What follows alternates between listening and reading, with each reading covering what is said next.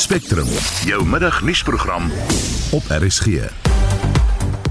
In vandag se program kom er oor vee diefstal op die Lesotho grens, 'n tweede SARS aardbewing tref Turkye en Sirië. The first thing that comes into your mind while you are in an earthquake, what's going to happen next? What's next? Am I going to survive? Am I going to die? What's going to fall? En ons praat met 'n ekonom oor môre se begrotingsrede. Welkom by Spectrum, die span is redakteur Wessel Pretorius, produksieregisseur Johan Pieterse en ek is Susan Paxton.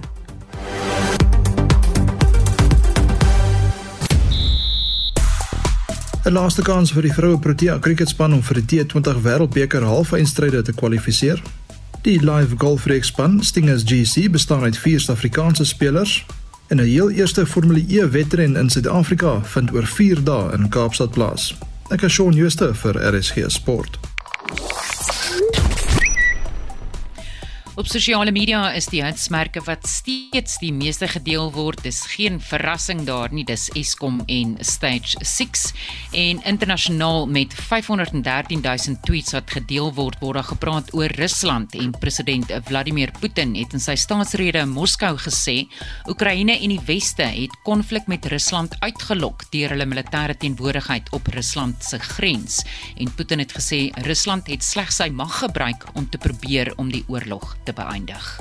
Ook 'n storie wat ons 'n bietjie later na kyk in die program. Intussen, die minister van Finansies, Enoch Godongwana, lewer môre middag sy begrotingsrede. Daar word verwag dat bykomende geld aan Eskom gegee sal word om sy skuld te delg en opwekkingsvermoë te verhoog. Belasting op drank en sigarette sal waarskynlik ook verhoog word. Is jy bekommerd oor enige belastingveranderings of verhogings? Wat sal jy in hierdie begrotingsrede wou hoor? Stuur 'n SMS na 45889 teen R1.50 per boodskap. Jy kan saampraat op ons Facebookblad as jy lus het en en of jy kan 'n stemnota stuur op WhatsApp na 076 536 6961. So bykans 8 minute oor 12 jy luister na Spectrum in Akuribus in Noord-Kaap soos hy bekend staan in die plaaslike gemeenskap se mond is weer in vloed. So wat 2000 kumek beweeg tans oor die 65 meter hoë Ograbies waterval in die Noord-Kaap. Die woordvoerder van Sandparke in die provinsie Genevieve Maasdorp sê hulle verwag dat daar meer as 4000 kumek teen môre oor die valle sal beweeg. Ograbies Valle Nasionale Park beloof weer eens om sy koi naam gestand te doen, naamlik die plek van groot geraas. Dit vloei tans net bokant 2000 kubieke meter per sekonde en volgens die nuutste inligting wat ons ontvang het, kan dit tot ongeveer 4500 kubieke meter per sekonde styg rondom hierdie komende Woensdag of Donderdag. En uh, dit was die woordvoerder van Sandpark in die Noord-Kaap, Genevieve Maasdorp en daar's 'n foto op ons uh, Facebook bladsy as jy wil gaan kyk hoe die waterval tans lyk en ons sal by Genevieve hoor soos hy nou voller raak of die watervlak hoër raak of sy vir ons nog sal stuur dat ons kan sien hoe dit lyk. Nog 'n aardbewing het Turkye gisteraand getref en kon, eh, kon tot in Libanon gevoel word. Die Afrika Moslem Agentskap is 'n noodlenigingsorganisasie wat in Turkye en Sirië werksaam is. Die woordvoerder Omar Hamesh het aan Marlenae Forsie gesê hy het voor die aardbewing klere en tente aan behoeftiges uitgedeel en is op pad terug onkant gevang. The first thing that comes into your mind while you are in an earthquake, what's going to happen next? What's next? Am I going to survive? Am I going to die? What's going to fall? So the first thing that any person would do is to run to an open space. We had to stop the car and leave to an open space because even the car is not safe in such conditions. And honestly, you have to wait for your, for your destiny. Was the road damaged or your vehicles or something? No, no, alhamdulillah, the roads uh, were okay. So it went okay. It was somehow okay for us. Hy is alleen in Turkye, sy familie woon in Libanon. In Lebanon, they also felt it. My family in Lebanon, whenever they felt the earthquake, they immediately started calling. We can't do anything, but alhamdulillah, we are okay, we are safe, and everything is great. Hy sê die nood onder die miljoene mense wat dakloos gelaat is, is onbeskryflik groot. So hulle verskaf tente, kos en klere in 'n poging om die nood te verlig. You can't imagine how bad the situation is. It's freezing cold. At night the temperature drops below 0. And there are children, elderlies staying outside without any shelter, without any heating items. We have a lot of donations from our donors in South Africa, but yet the need is much bigger. as much as we receive, the need is much bigger. Yesterday, we were meeting some of these families. Their skin is really damaged. The children's skin, it looks like a 70 years old person's skin. Oh, that is so heartbreaking. So that's why it's exactly, of course, it's heartbreaking to see a child that's suffering for one reason that no one helped him. This is our responsibility to help them. It's our responsibility to stand by them. Dis die ingesteldheid wat Hamish in Turkye hou. Intussen is die nood in Sirië net so groot. Jean Kai sê ook van die organisasie is in Sirië sit vroeër haar ervaring met naweek aksueel gedeel, maar kon nie vandag vir 'n onderhoud bereik word nie weens swak sein. Die laaste keer dat Spectrum van haar gehoor het was vanoggend deur middel van die stemnota. Thank you, Marlene. We are all safe. Uh, it was horrible last night, but we made it. Marlene Forsie, SAK nuus. Ons bly by die storie. Dr Gideon Groenewald, 'n geoloog uit Clarence in die Vrystaat, sluit nou by ons aan vir meer oor die tweede aardbewing van 6,4. Dis nou in Turkye. Goeiemiddag Gideon. Goeiemiddag, hoe gaan dit by jou, Zan? Met my gaan dit goed, maar ek dink die mense in Turkye is al foos. Hierdie is die tweede aardbewing in 2 weke. Is jy enigstens verbaas daaroor? Uh, as 'n geoloog uh, verbaas oor die grootte van die naskokke, uh, maar maar weet jy, ons kyk na die plaat van Afrika wat noord beweeg, die Arabiese plaat wat effens wes beweeg, die uh uh jy weet die uh, Eurasië plaat wat stil staan en almal van hulle druk daai arme uh, plaatjie wat nou in wat op uh, onder Turkye lê in sy maai in. En uh, ja, dit is baie baie slegte nuus, maar uit geologie uh oogpunt, uh, dit is verstaanbaar, maar dit is dit is baie jammer dat dit laat dit hierdie mense moet oorkom. So jy verwag nog aardbewings. Ja nee, verseker. Uh, ons gaan definitief nog sien. Ons weet nie wanneer nie, ons weet nie hoe groot nie. Ek is ek is regtig verbaas oor die grootte van hierdie aard hierdie derde. Kyk jy's nou vanoggend nog een nê. Dis nou al 4 aardbewings. Gister was 6.8, nou is vanoggend 5.4. Uh die die die naskokke is verskriklik want die mense het nou vir 2 weke het hulle 41000 uh mense al dood al. Vandag het hulle 300 wat hulle van weet. Um en en mense wat nou eintlik van die reddingsspanne wat nou se lewens in gevaar kom en mense wat natuurlik nou baie bang moet word om in daai in daai gevalle geboue in te beweeg en niemand kan voorspel wanneer nog 'n skok kom nie en dit is onthou 'n skok van 6.4 is 10 maal minder as 'n skok van 7.4. So die die eerstes was 7.8s, nou is dit uh 5.8s. So jy praat van 200 keer minder, maar dit veroorsaak nog steeds geweldige skade met die geboue wat reeds verswak is. Hm. So, ehm um, jy well, hoe maak mens dan nou in hierdie gebiede? Wel, om die eerlike waarheid te sê, uh, ek ek dink ons ons sit in 'n geval waar jy waar jy regtig in geloof moet voortstap met jou lewe en jy moet eenvoudig aanvaar dat waar jy is, dit veilig is, uh dat jy bewaar sal word uh deur deur 'n Skepper. En ek dink eerlikwaar, dis omtrent al wat jy kan doen is om in geloof te leef en jy moet jy moet natuurlik baie baie staat maak op mense wat vir jou gaan kom help want daai mense is in 'n in 'n 'n situasie waar jy regtig nie vir jouself kan help nie. So ek het groot waardering en ek het geweldige respek vir mense wat bereid is om iets te gee om te help, maar ons moet net onthou dat dit is een aardbewing wat oor en oor in Turkye oor al die duisende jare plaasvind en en 'n mens kan ongelukkig nie oral help waar hierdie uh, skades tref nie want in Suid-Afrika het ons nou hierdie groot vloede uh, waar ons ook mense het wat swaar kry. So ongelukkig uh, ons kan nie oral help nie, maar ek het baie groot respek vir elke ou wat help. Gideon sê vir my, so jy sê hierdie is aardbewings wat ons sien elke paar honderd jaar en vergeet ons dan net dat dit so ernstig is daar. Ja, ons moet onthou hierdie aardsiklusse is tussen 'n 1000 jaar siklusse van hulle 200 jaar siklusse, maar die siklusse is nooit in die leeftyd van een mens nie. So dit is hoekom ek dink uh jy weet mense het daai groot geboue opgerig en heeltemal vergeet om in die geskiedenis te gaan lees na wat hierdie groot aardbewings in Turkye al aangevang het, die sketse, die uh jy weet die die oorlewingsgeskiedenis. Dis buite die leeftyd van ge generasies van mense, so dit word legendes mense glo nie meer dat dit so erg kan wees nie. En sê vir my, wanneer word 'n skudding dan nou as 'n aardbewing geklassifiseer? Weet jy, dis 'n moeilike een daai. As jy as jy uh, naby treinspore bly of by lughawens bly, as 'n Boeing kom land, dan kan jy dit as 'n aard aardskudding beskou. Maar aardbewing is as die Boeing letterlik op die grond val. So dit is maar my manier om dit te verduidelik. Die die skudding uh, gaan die honde voorblaf, jou koppies gaan van die rakke afval, maar 'n aardbewing dan val die mure om en die glas breek en dit raak baie erg. Baie dankie, dit was 'n geoloog uit Clarence Dr Gideon Groenewald. 17 minute oor 12 vee diefstal in die Vrystaat veral tussen die grens van Suid-Afrika en Lesotho is reeds vir langer as 'n dekade 'n baie ernstige probleem waar boereorganisasies lank reeds die hulp van die regering puls. Maar dit het nou 'n punt bereik waar dit moontlik die landboubedryf kan begin bedreig en ons praat nou hieroor met die president van Vrystaat Landbou François Wilken. Goeiemôre François. Goeiemôre Susan. Julle het die hulp van die regering en die polisie almale sonder tal ingeroep en al saam met hulle besoek afgelê eh, by hierdie probleemgebiede. Dis nou alles langs die grense tussen Suid-Afrika en Lesotho. Word genoeg gedoen om hierdie vee diefstal syndikaate in hulle spore te stuit na jou mening? Ek dink nie daar word genoeg gedoen. Dit gaan oor die polisie se se vermoë om dit te kan doen. Ons vee diefstal eenhede is omtrent almal nou geen personeel nie, voertuie en ons voel dat daar is betrokkeheid binne die polisie ook by van die syndikaate. So dit maak ons baie bekommerd.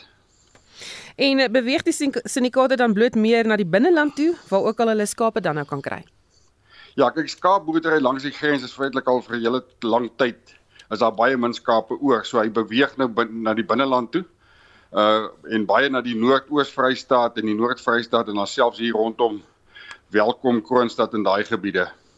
Dis redelik ver van die grens af. Ja, dis ver van die grens af. Ja, die syndikaate opereer maar oralste.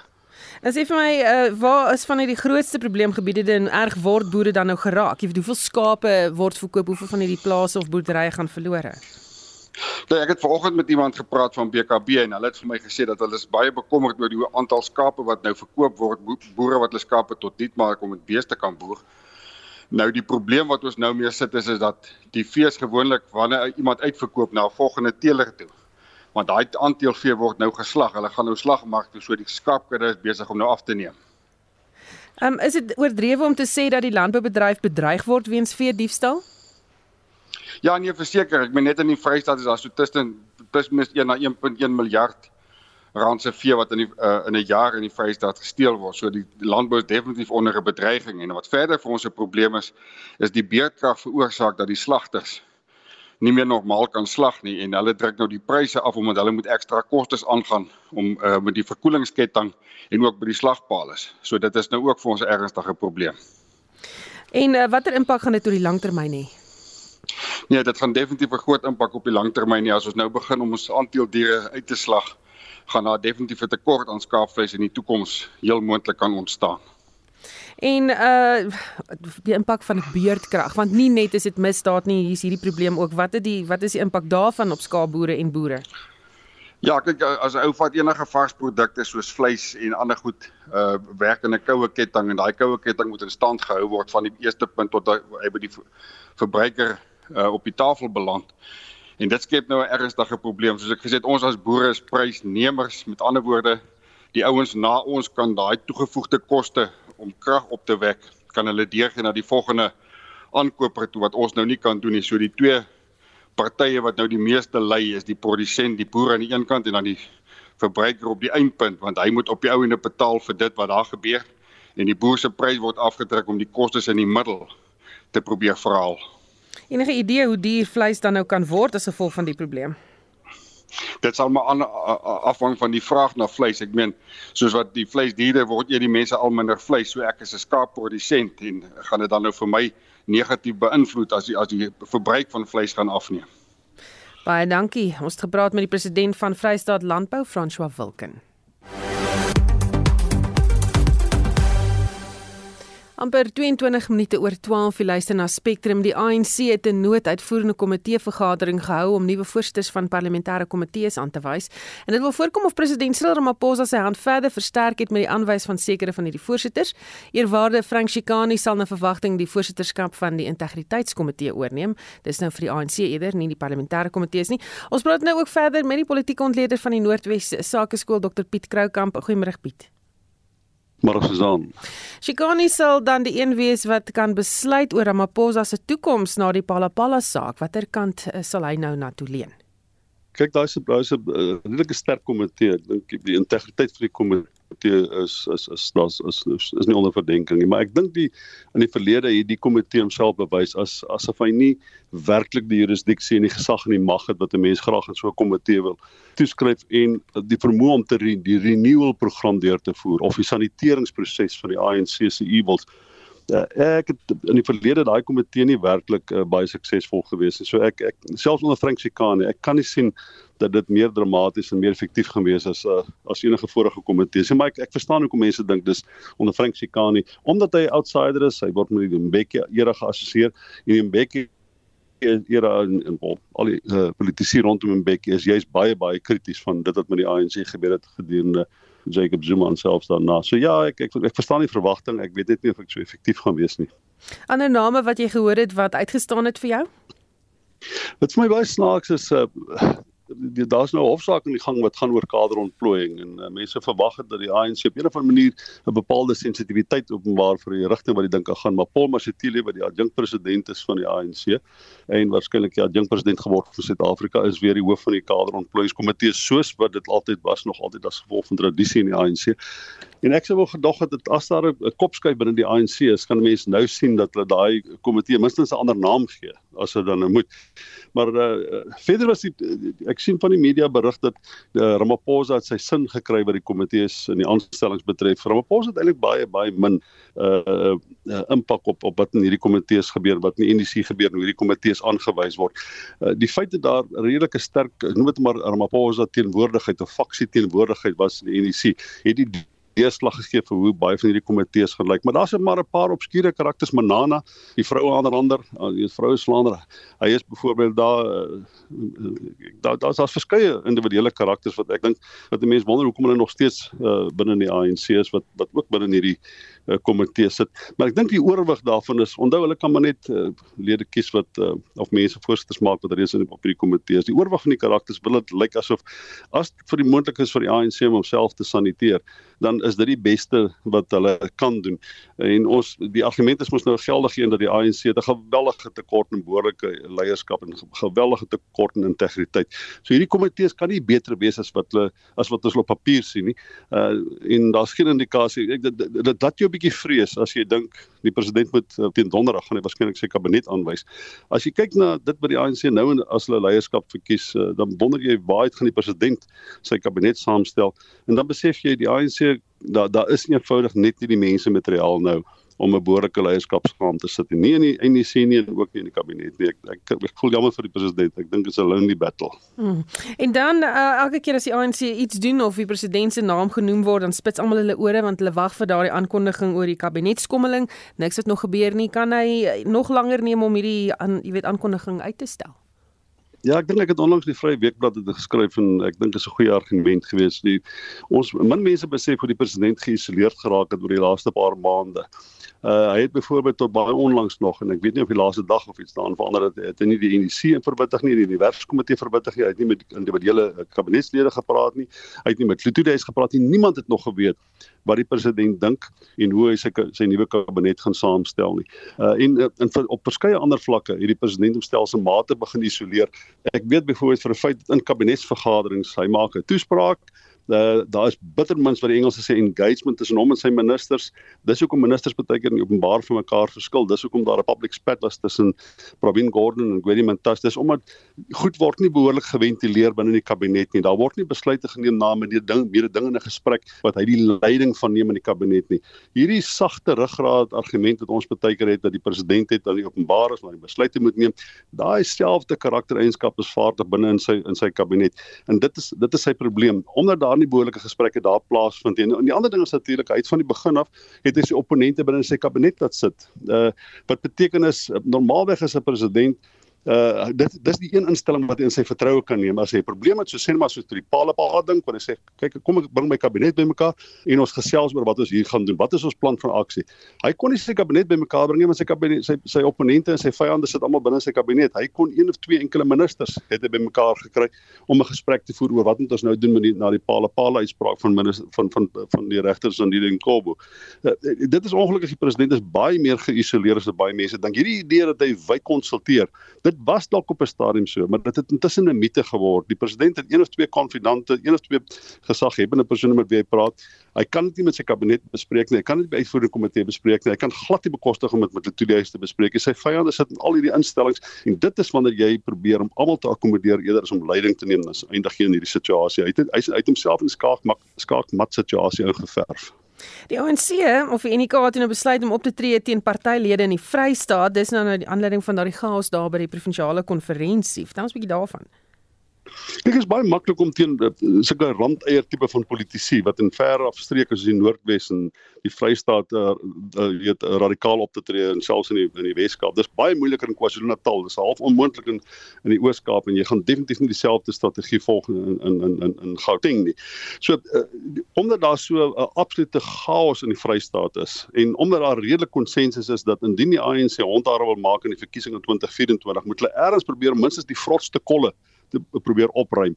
En onder dit randeier politici is, dis onbelangrike politici in die groot skem. Wie van ons ken eers die name van die politici wat daar rond funksioneer? Een is twee se name ken jy. Ken miskien die die burgemeester van Mangungu, jy weet dalk wie se wie se premier se provinsie, maar dit is onbelangrike identiteite binne in die ANC en binne die bevrydingsbeweging.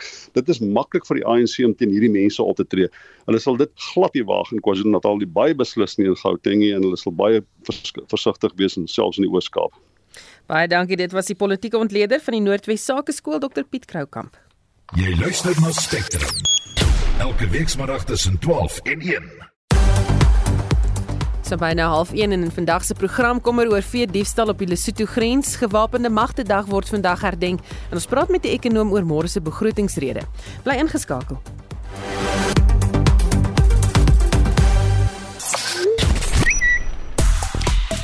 Op sosiale media praat mense oor die Gautengse premier Panyaza Lesufi se hoop om beurtkrag in die provinsie te verminder met 'n belegging van 1,2 miljard rand in solarenergie wat die konstruksie van 'n solarplaas in die Wesrand insluit.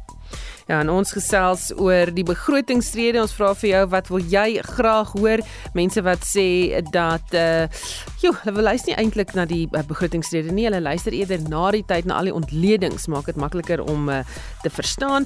Dan sê iemand hierso na aanleiding van ons gesprek oor die aardbewings vir my is 'n bouing in die lug redelik veilig teen aardskuddings of 'n bewing, sê die persoon.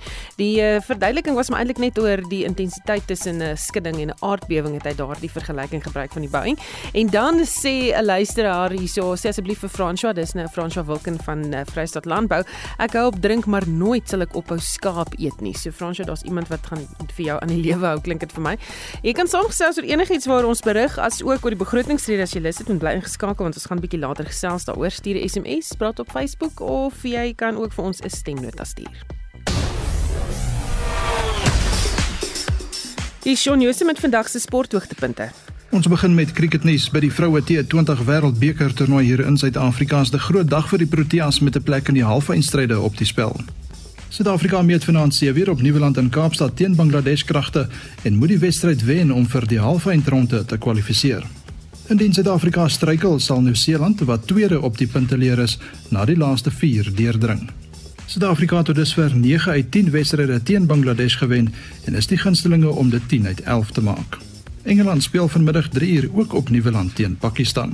Op die sokkerveld in die eerste been van die Kampioenligga se laaste 16de ronde, takel Liverpool en Real Madrid, asook Eintracht Frankfurt en Napoli mekaar vanaand om 10 uur.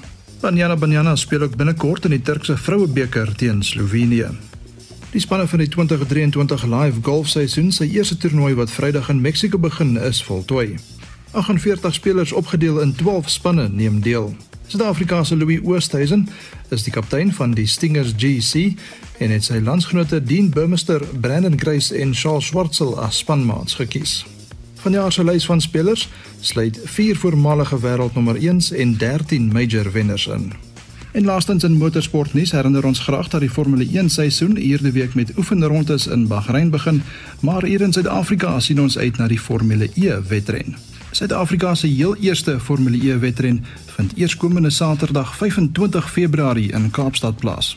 11 spanne, 22 renjaars en 'n Suid-Afrikaner met die naam Kelvin van der Linde sal ons Saterdagmiddag van 4uur af vermaak. Daar is Vrydagmiddag en Saterdagoggend oefenrondes voor kwalifikasie plaasvind. Dit is die 5de ronde in vanjaar se Formule E reeks. Porsche is die voorloper onder die vervaardigers met hul renjaer Pascal Wehrlein bo aan die renjaer punteleer. En dit was Shaun Jose met vandag se sporthoogtepunte. Lede van die Suid-Afrikaanse Nasionale Weermag verdedig nie net Suid-Afrika se soewereiniteit en konstitusionele demokrasie nie, maar hulle lewer ook 'n aktiewe bydrae tot die sosiale en ekonomiese ontwikkeling van die land. Hulle dapperheid is 'n inspirasie, so het president Ramaphosa gesê tydens sy toespraak by die Weermagdagberade in Richards Bay vanoggend. Die dag herdenk die lewens van soldate wat tydens die Eerste Wêreldoorlog omgekom het toe die vlootskip SS Mendi in die Engelse Kanaal gesing het. Alle soldate wat hulle lewens vir Suid-Afrika opgeoffer Alfred word ook tydens die dag herdenk en Essie de Klerk het die president se toespraak gevolg vir ons. Estie Ramaphosa het hulde gebring aan alle weermaglede. Is reg Susan, die president het gesê weermaglede dien die land sonder huiwering, soms onder moeilike omstandighede wanneer Suid-Afrika hulle die nodigste het. They are to be found rebuilding and building bridges where a desperate need exists, they are found and they are also to be found rehabilitating our rivers from the effects of pollution. They have time and time again shown that they are a force for good and they are an integral part of all progressive humanity. I wish to pay tribute to all members of our armed forces who, at great risk to their own lives, work tirelessly to help maintain law and order in times of crisis. ST het gesê die Afrika vasteland maak staat op die Suid-Afrikaanse weermag om vrede te bewerkstellig. Dis reg en hy sê die uitbouing van vrede is deel van die mandaat van die Afrika Unie as ook van die Verenigde Nasies. We extend our appreciation and respect to our forces deployed in various missions across our beautiful continent, Africa.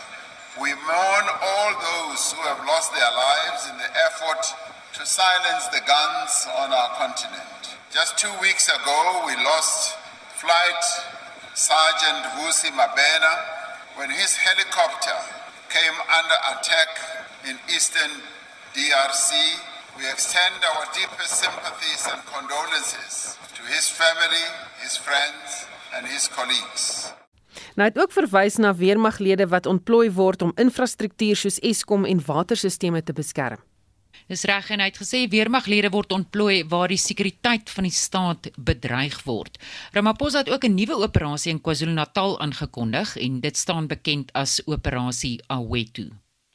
Through Project Awetu, the South African National Defence Force is working with government departments to provide access to healthcare and other social services in communities in KwaZulu-Natal that are remote and marginalized. Project OWE2 can be a great catalyst and a great help for change through empowering communities, giving communities the capabilities and the help and the way withal to improve people's lives.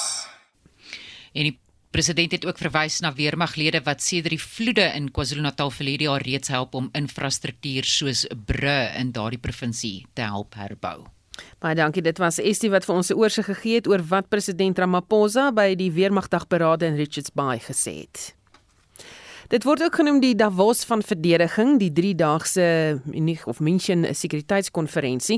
Die hoofpunt op die sakelys daar was die oorlog in Oekraïne en die FSA het daar gesê dat Rusland verantwoordelik gehou sal word vir misdade teen die mensdom daar.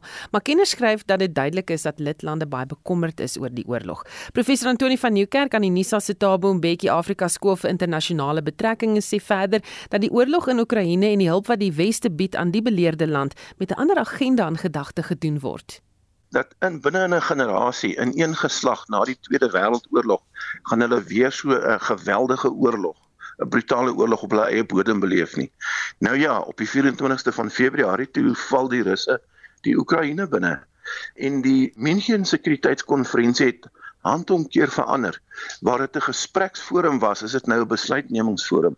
En as ek nou dink aan wat gebeur het in die afgelope 3 dae verlede week, dan is dit baie duidelik dat hierdie forum nou gebruik word as 'n hoe sal mense in Afrikaans sê 'n war room. Ons president het ook so 'n war room oor elektrisiteit uh, voorgesit in 'n paar jaar gelede. Die ding werk nie so baie lekker nie, maar wat nou gebeur het en wat so interessant is, Susan, is as mens kyk na die mense wat deelneem aan die München sekuriteitskonferensie. Hulle het al die belangrike leiers van die weste uitgenooi. Hulle het vir Kamala Harris uitgenooi wat die visiepresident is wat 'n boodskap kom lewer het om te sê dat die Russe pleeg 'n menseregte vergrype en dat hulle nie daarmee gaan wegkom nie. Uh die Europeërs het almal kom standpunte inneem. Die politieke leiers, die eerste ministers van verskeie lande het hierdie forum gebruik om te sê en ook die EU se baase Ursula von der Leyen en Joseph Borrell wat die EU kommissie bestuur het gesê op hierdie platform gebruik hulle nou om te sê ons moet meer wapens aan die Oekraïne verskaf. Ons bly nie voor nie. Trouens, dit is eintlik vir my nog 'n insiggewende oomblik. Die Europeërs kan nie voorbly en die Amerikaners kan nie voorbly om ammunisie aan die Oekraïners te verskaf nie en hulle gaan nou volgende week 'n volgende opvolg sessie hou, nie by die München nie, maar 'n afsonderlike vergadering oor hoe om al die wapenvervaardigers in die weste in te span om meer wapens te vervaardig om die Russe by te kom in Oekraïne. En ek hmm. wil vir jou sê Susan, as jy tekens soek van 'n verdieping en 'n verlenging van 'n oorlog wat die wêreld gaan affekteer, dan is dit die teken praat van daardie wapens en dit vir Oekraïne gee, maar dis ook so half 'n jy weet, hulle misbruik eintlik Oekraïne vir hulle eie doelwit ten koste van wat met die mense daar gebeur. My perspektief is dat baie mense sê uh, en die Europeërs het ook op hierdie forum die punt probeer maak dat Rusland veg 'n uh, onbillike oorlog teen die Oekraïne en baie mense gaan dood en die Europeërs sê daar's 'n valse narratief, daar's misinformasie dat Rusland en die Weste eintlik te mekaar oorlog maak. Dis net Rusland wat hom vergryp in die Oekraïne en op sy plek gesit moet word. Dis hulle narratief, dis hulle storie. Ek dink die ander deel van die storie is die res van ons in die globale suide, in Afrika, in Asië en elders kyk na hierdie onluikende konflik, hierdie oorlog. En dit lyk vir ons asof die Weste, met ander woorde NAVO, Amerika en Europa besluit het dat hulle Rusland op sy plek moet sit. En Oekraïne is die slagveld waar hierdie konflik nou uitspeel. En dit is ter voorbereiding van 'n nog groter konflik wat gaan kom in komende jare. En dit is die spanning tussen Amerika en China. En 'n manier om daar te dink is dat Amerika is dalk 'n kwynende imperiale mag en China is die opkomende imperiale mag. En ons weet uit die geskiedenis dat imperiale magte kom en gaan. Die Nederlanders, die Britte, die Franse, nou is dit die Amerikaners, volgende is die Chinese. Hierdie opkomende imperiale magte wat die wêreld soort van oorheers en bestuur in hulle eie belang, gaan geweld met baie konflik en oorlog. En trouens dis deel van die ekonomie van so 'n imperiale mag. En dit is wat ons op die oomblik sien. En dit was professor Antoni van Nieuwkerk aan die Nisa se Tabo Mbeki Afrika Skool vir Internasionale Betrekkinge. Die minister van Finansies, Enoch Godongwana, sal na verwagting môre middag sy begrotingsrede lewer. Baie gaan die rede met 'n valkoog dop om te sien of daar enige aanduiding sal wees oor die kabinetskommeling en hoe die ramptoestand befonds sal word. Ons praat nou met die ekonom van Sequoia Sekuriteite, Dr. Chris Harmse. Goeiemiddag Chris. Môre Susan. Wat sal jy graag wil hoor? Privatiseer Eskom. Maklik so dit. As dit alles wat hy sê is môre dan dink ek is dit is dit genoeg vir die land vir 'n bietjie hoop. Ja.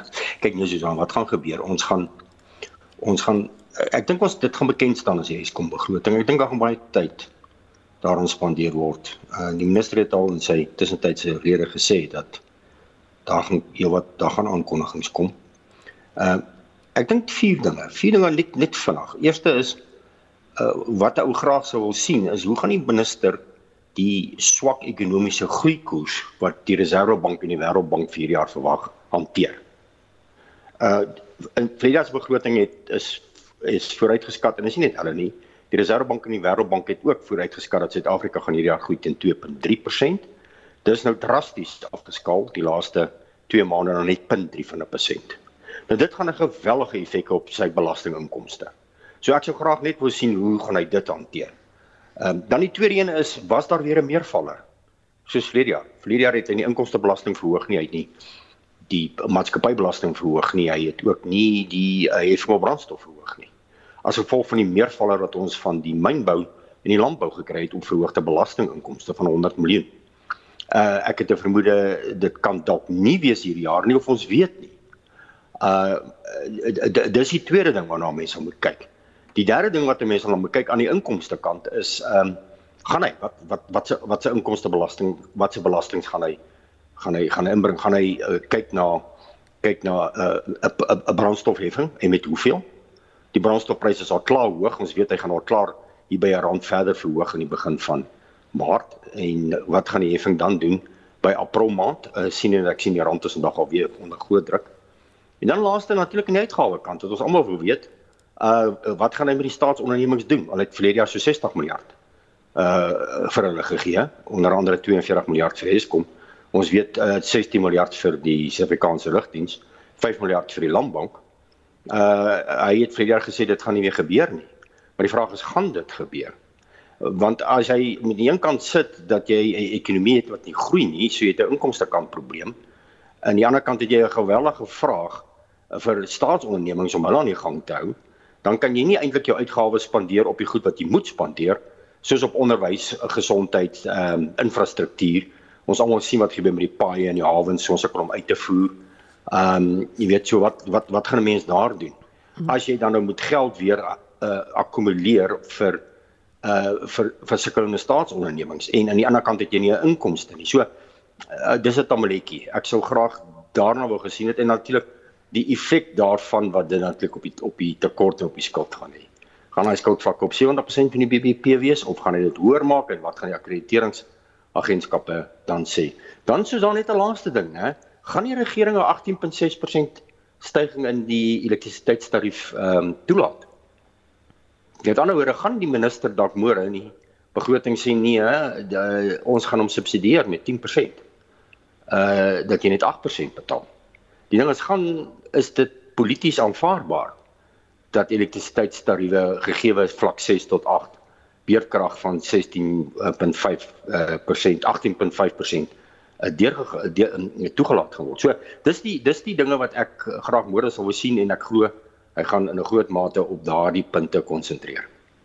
Baie dankie. Dit was 'n ekonom van Sikoa Sekuriteit, Dr. Chris Harmse. Die verkiesingskommissie het gister met 'n veldtog begin waarna hy kiesers aanmoedig om vroegtydig aanlyn vir die algemene verkiesing in 2024 te registreer. Esie de Klerk berig. Die veldtog wat alle Suid-Afrikaners ouer as 16 jaar aanmoedig om aanlyn te registreer, is gegrond op die tema Jou stem is jou keuse. Granville Abrams van die OVK sê aanlyn registrasie maak dit baie meer toeganklik vir kiesers om te registreer en dit kan op die webtuiste registertovote.elections.gov.za gedoen word. Hoewel kiesers ook deurlopend op ander maniere vir die verkiesing kan registreer. Die een metode is dat jy dan by 'n OVK kantoor moet aanmeld om te registreer, maar die ander fasiliteit wat ons al voor die vorige verkiesing bekend gestel het, is aanlyn registrasie. En met aanlyn registrasie kan jy enige tyd, enige plek registreer as 'n uh, kiezer. Met hierdie veldtog wil ons net weer eens Suid-Afrikaners bewus maak dat dit hierdie gemaklike platform is om dan wel te registreer. Hy sê die OVK moedig veral jong kiesers aan om te registreer. Daar's 'n spesiale fokus op die jeug. As ons kyk na die gaping tussen die wat wel geregtig is om te registreer en die wat dan op die kieserslys is, sit ons tans met omtrent so 8 miljoen kiesers 25 jaar oud en jonger. En die helfte van hulle is hier so onder 19, 18 jaar oud. So ons kyk so na so 4 miljoen Suid-Afrikaanse burgers wat dan nie geregistreer is nie. So daar gaan wel beslis fokus wees op die jong span Ons het nou wat ons noem ons Democracy Week waar ons met die departement onderwys en dan ook met die universiteite 'n program gaan loods. Abrams sê daar sal egter ook later 'n geleentheid wees vir kiesers om in persoon te kan registreer. Ons beoog nog steeds om 'n registrasie naweek te hou vir die verkiesing wat volgende jaar plaasvind. Maar as jy nou al die besigheid kan doen, jou naam op die lys kry, jou besonderhede kan bevestig, waarom sal ons dan nou wag vir die laaste minuut?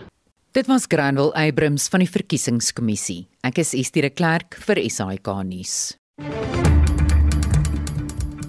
Vir die jongste sake nuus sluit Renier van Sail by ons aan. Hy's 'n portefeuljebestuurder by Efficient Private Clients. Goeiemiddag Renier. Goeiemôre Susan en hallo aan almal wat luister. As op hierdie Dinsdagmiddag met die reis om die wêreld begin en ons kyk wat in Asië gebeur het vroeg vanoggend, ons sien dat die Chinese markte was vir 'n tweede agtereenvolgende dag in 'n ry lekker sterk gewees. Dit natuurlik nadat die uh, Bank van China gister die koers waarteen banke geld te mekaar leen onveranderd gehou het. Ons weet ook natuurlik China is een van die min ekonomieë wat hierdie jaar moontlik hulle ekonomie kan stimuleer die rentekoerse te verlaag. Nou, daai positiewe sentiment het ongelukkig nie uh oorge oorgespoel na ons eie mark nie. Die uh, alle aandele indeks verhandel op die oomblik so 1% laer en dan as ons kyk na die grootste verloders vir die dag is Sasol die energiegroep laer met 4.7%. Nou Sasol het vroeër gesê dat hulle dit reg gekry het om hulle verdienste meer as te verdubbel gedurende die vorige 6 maande, maar ongelukkig is die voordeel van 'n hoër olieprys afgespeel deur hoër insetkoste. Ons weet natuurlik hoekom as gevolg van beerdkrag. Dan het ons ook gesien dat Prosus is 'n uh, laer met 4.3% en hy volg sy grootste belegging belegging wat Tencent is, ehm um, laer. Tencent het vanoggend in Hong Kong laer gesluit. Dan aan die ander kant van die muntstuk is die MultiChoice groep op met 2.6% en Aspen, die farmaseutiese groep is op met 1.8%. As ons kyk na die rand, het die rand so klein bietjie versterk van volgens se vlakke. Hy staan teen 18.22 teen die dollar. Ehm um, hy staan teen 22.5 teen die pond en dan 19.42 teen die euro. Nou as ons kyk na ons kommoditeite, is die prys van goud basies onveranderd op 1833 dollars per fyn ons sien dat die prys van Brent olie staan op 83 dollars 82 per vatjie Brent. Nou die Amerikaanse markte was gisteraand gesluit. Dit lyk asof hulle 'n bietjie laer gaan oopmaak later vanaand. Die meeste Europese markte verhandel op die oomblik in die rooi. Dis my storie vir vandag en julle moet 'n baie lekker dag hê. En dit was Renier van Sail van Efficient Private Clients.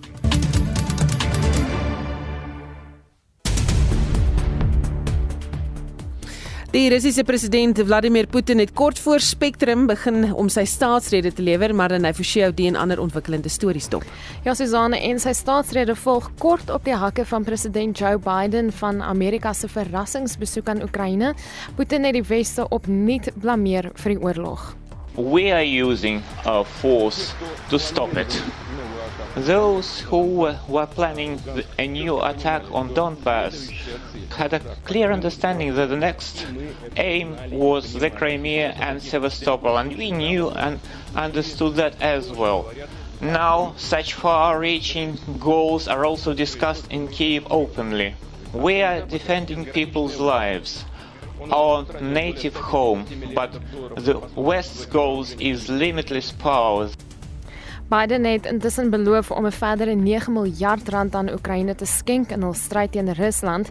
Steeds in die buiteland, die geoloog Gideon Groenewald het sy indrukke gedeel oor die tweede SARS aardbewings wat Turkye gisteraand getref het ons kyk na die plaat van Afrika wat noord beweeg, die Arabiese plaat wat effens wes beweeg, die Eurasië plaat wat stil staan en almal van hulle druk daai arme uh, plaatjie wat onder Turkye lê in sy maai in. Dis baie jammer dat dit laat dit hierdie mense moet oorkom.